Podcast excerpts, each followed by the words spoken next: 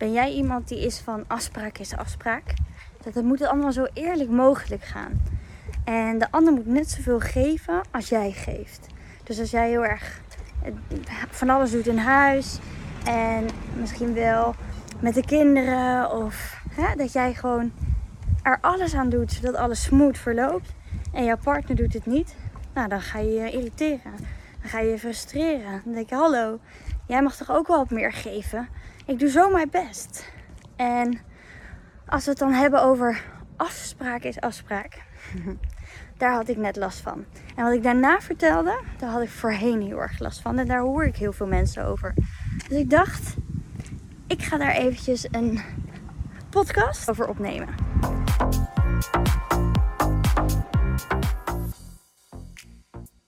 Ik ben nu aan het wandelen, zoals je ziet. Als je in ieder geval hè, het beeld kijkt. En Rens die um, is thuis nu. Hij had nachtdienst.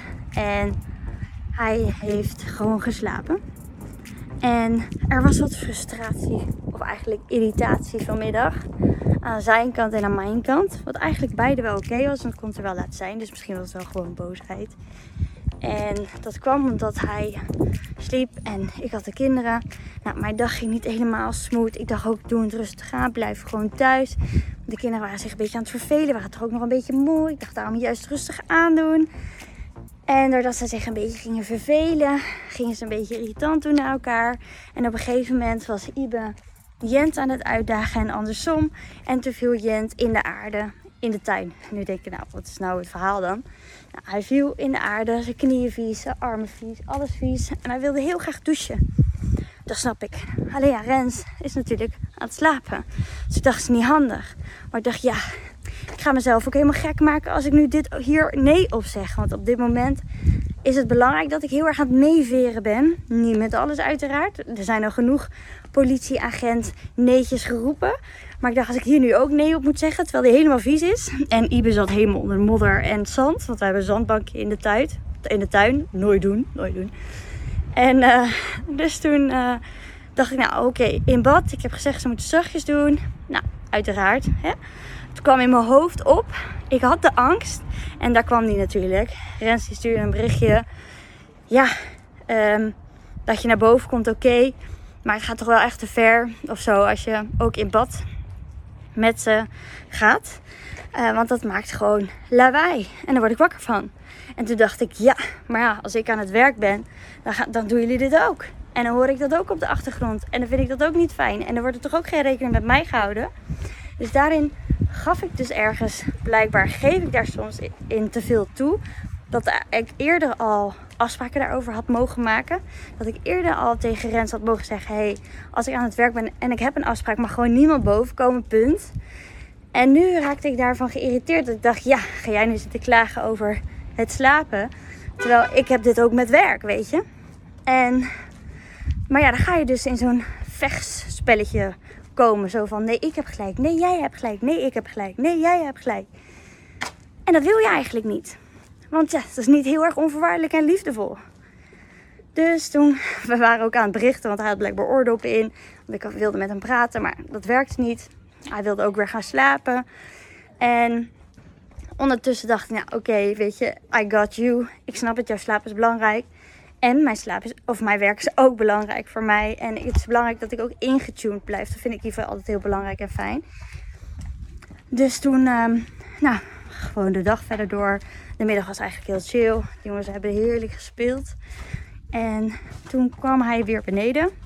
Alleen dat was later dan gepland. Dus het was omdat hij uh, in eerste instantie zei: Oké, jij kan aan het einde van de middag nog eventjes een wandeling maken. Hadden afgesproken. Dus dan zou hij koken.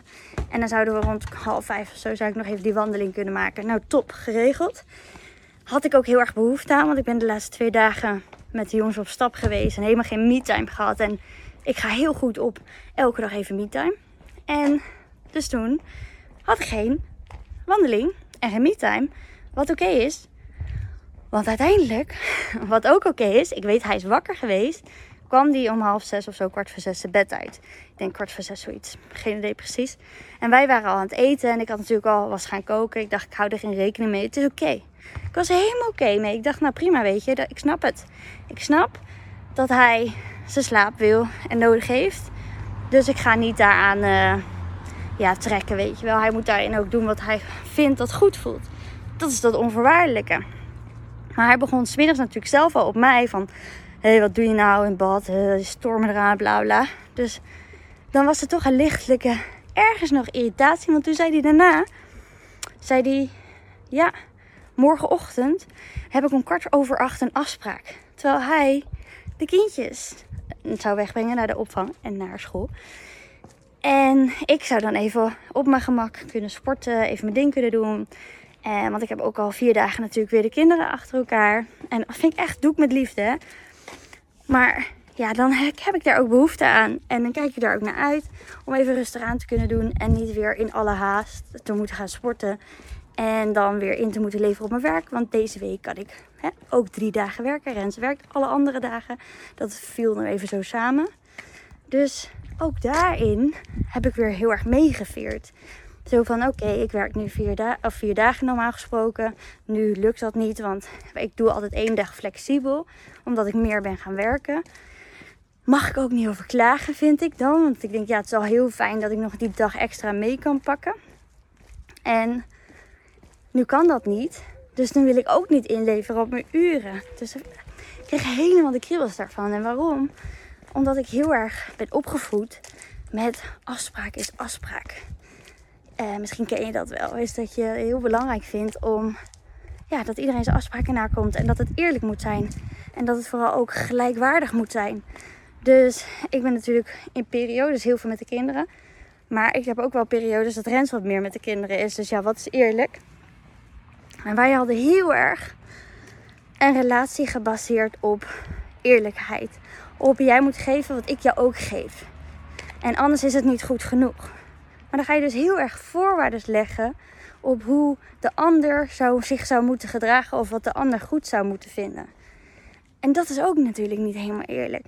Want dat Rens morgenochtend die afspraak heeft, oké, was een beetje onhandig dat hij het vergeten was. En ik ook niet in de agenda had gekeken, want ik had het niet gezien.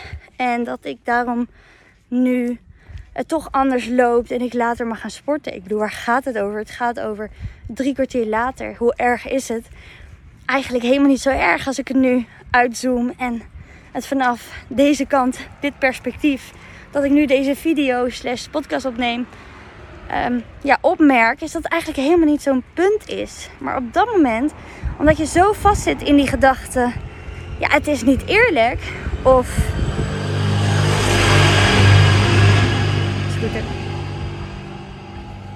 Of ik word niet serieus genomen. Dat is ook nog eentje, een overtuiging.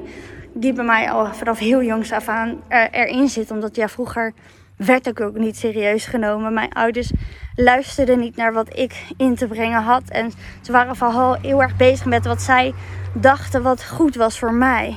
En lieten mij niet echt meedenken in wat goed was voor mij. Ze vulde vooral in en ze loste vooral op. En daar zit mijn pijnpunt op zo'n moment. Dus ook mijn pijnpunt in mijn relatie. Want Rens triggert dat natuurlijk alleen maar. Hij heeft ook alleen maar goede bedoelingen. En hij ja, had er ook gewoon ja, niet over nagedacht. Het was ook natuurlijk voor hem dat hij ja, niet bij stilstond. Dat het gewoon ja, snap wel wat ik bedoel. Gewoon zo bleu, zou maar zeggen van ja, uh, ja sorry, uh, kan gebeuren. En dat ik er dus zo'n van de muis een olifant maak. En dan merk ik dat ik dan een beetje uit balans raak. Doordat ik toch twee dagen heel druk ben geweest met de kinderen. Eén dag duinruil met Jent. Eh, Super leuk. En Rens was erbij. En één dag gisteren met Ibe. En allebei slapen bij mij s'nachts, omdat Rens die nachtdienst uh, heeft. En dat is super leuk. En soms mag ik ook over die grens heen gaan, want ik ben me er heel, van, heel erg van bewust dat ik daarmee over een grens ga. Maar dat komt vanuit een heel groot verlangen. Dat ik dit heel graag wil doen voor hun en mezelf. Om die, samen die herinnering te maken. Want we hebben een Jent en een Ibe-dag gecreëerd in het leven. Hè? Je hebt een vaderdag en een moederdag. Dus vonden we ook dat er een Jent en een Ibe-dag moest zijn. Super leuk. Dus heb ik dat verliefd te nemen, zou ik maar zeggen. En weet ik ook dat ik ergens eigenlijk me mocht terugtrekken en even meer tijd voor mezelf mocht nemen. En ik heb ervoor gekozen om dat niet te doen. En dat is prima. Het is prima dat je een keer niet in balans bent. Want je merkt als je in balans bent, je voelt je goed. Kon ik dit aan?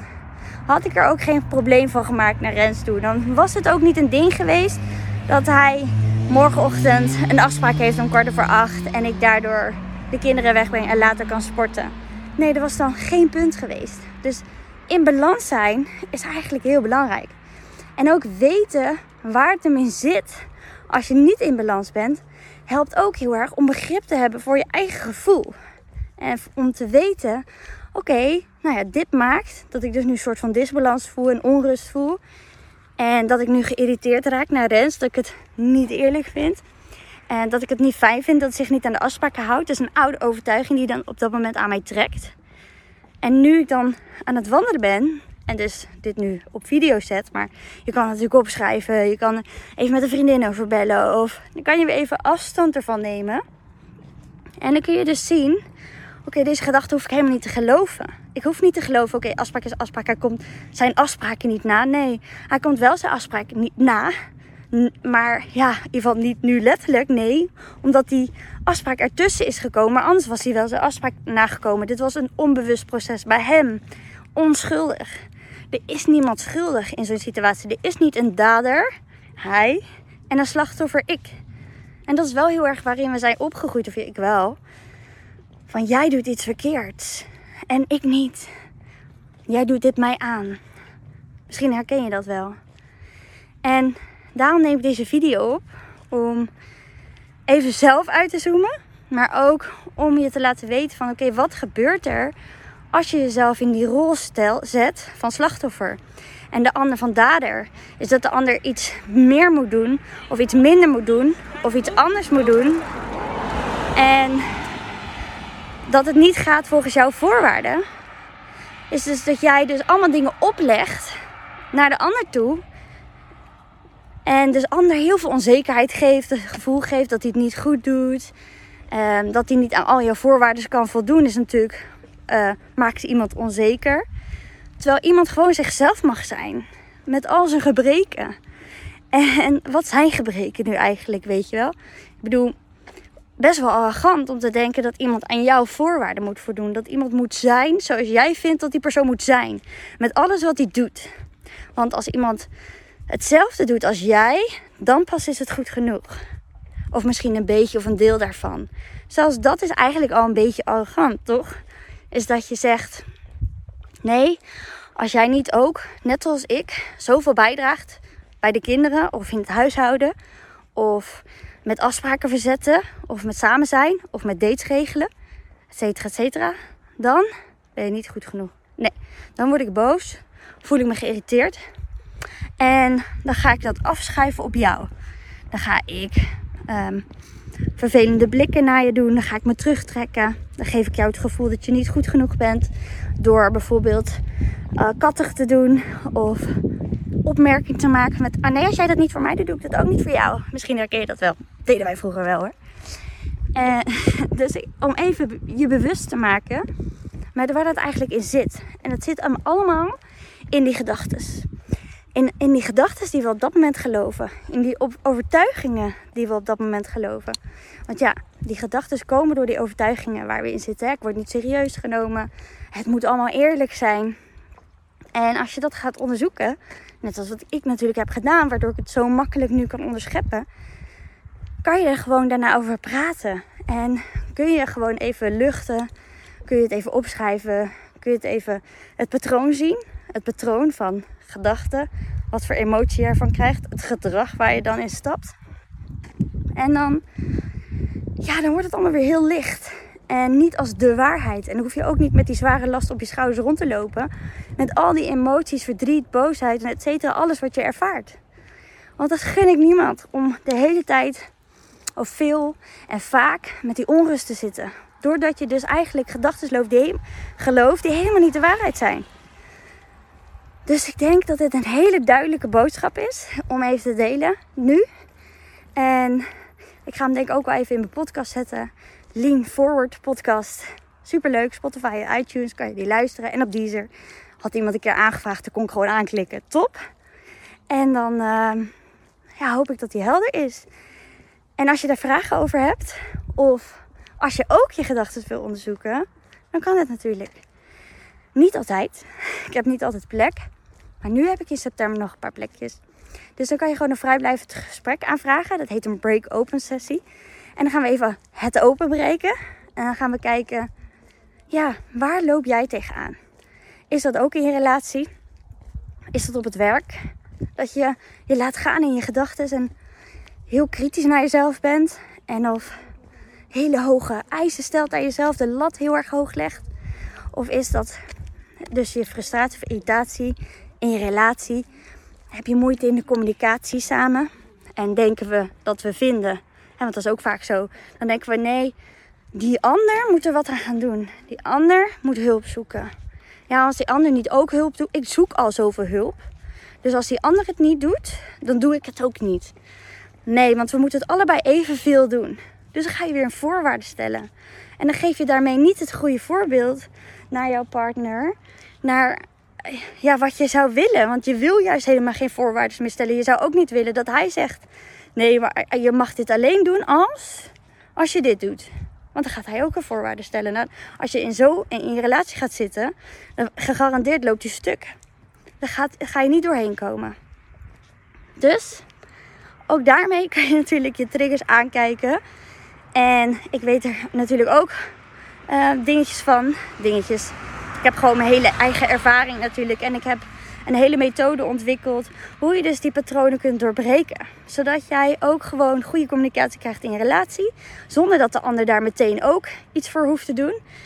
En natuurlijk op je werk, hoe je weer daar je verantwoordelijkheid kunt nemen en helemaal kunt voelen van ja, weet je, ik durf weer mezelf te laten zien en ik durf weer te zijn wie ik, wie ik ben. En wie ben je dan? Daar kom je ook achter in dit traject. Nou, om wie ben je eigenlijk onder al die belemmeringen? Onder hetgeen wat je allemaal denkt te geloven of denkt te moeten geloven. Terwijl dat je juist belemmert. Want. Dus, hoorde je misschien. Dus wil je dit gaan onderzoeken? Dan kan dat. Dan kan je je dus aanmelden en dan bespreken we dus even je struggles, je verlangens en hoe we dit kunnen oplossen. Kijk even in mijn link in bio op Instagram, Lina-forward, mocht je de podcast luisteren. En dan uh, ga ik nog heerlijk mijn wandelingetje maken. En even helemaal niks doen, ontspannen, ademen. Want ik merkte ook alweer dat ik hoog in mijn ademhaling zat. Misschien hoorde je het ook. dan ben ik ook enthousiast. En zit, het zit allemaal op een puntje van mijn tong en dan moet het uit. Dus um, leuk. Nou, wie weet ga ik je zien of spreken. Hele fijne avond. En of uh, een hele fijne week weer. Doei! Wat tof dat je hebt geluisterd. Deel het op Instagram om ook anderen te inspireren en tag mij. Het zou mij enorm helpen als je deze podcast gaat volgen en als je een review achterlaat op iTunes via Apple Podcasts. Zo word ik beter vindbaar en kan ik daarom nog meer mensen helpen. Bedankt. Doei!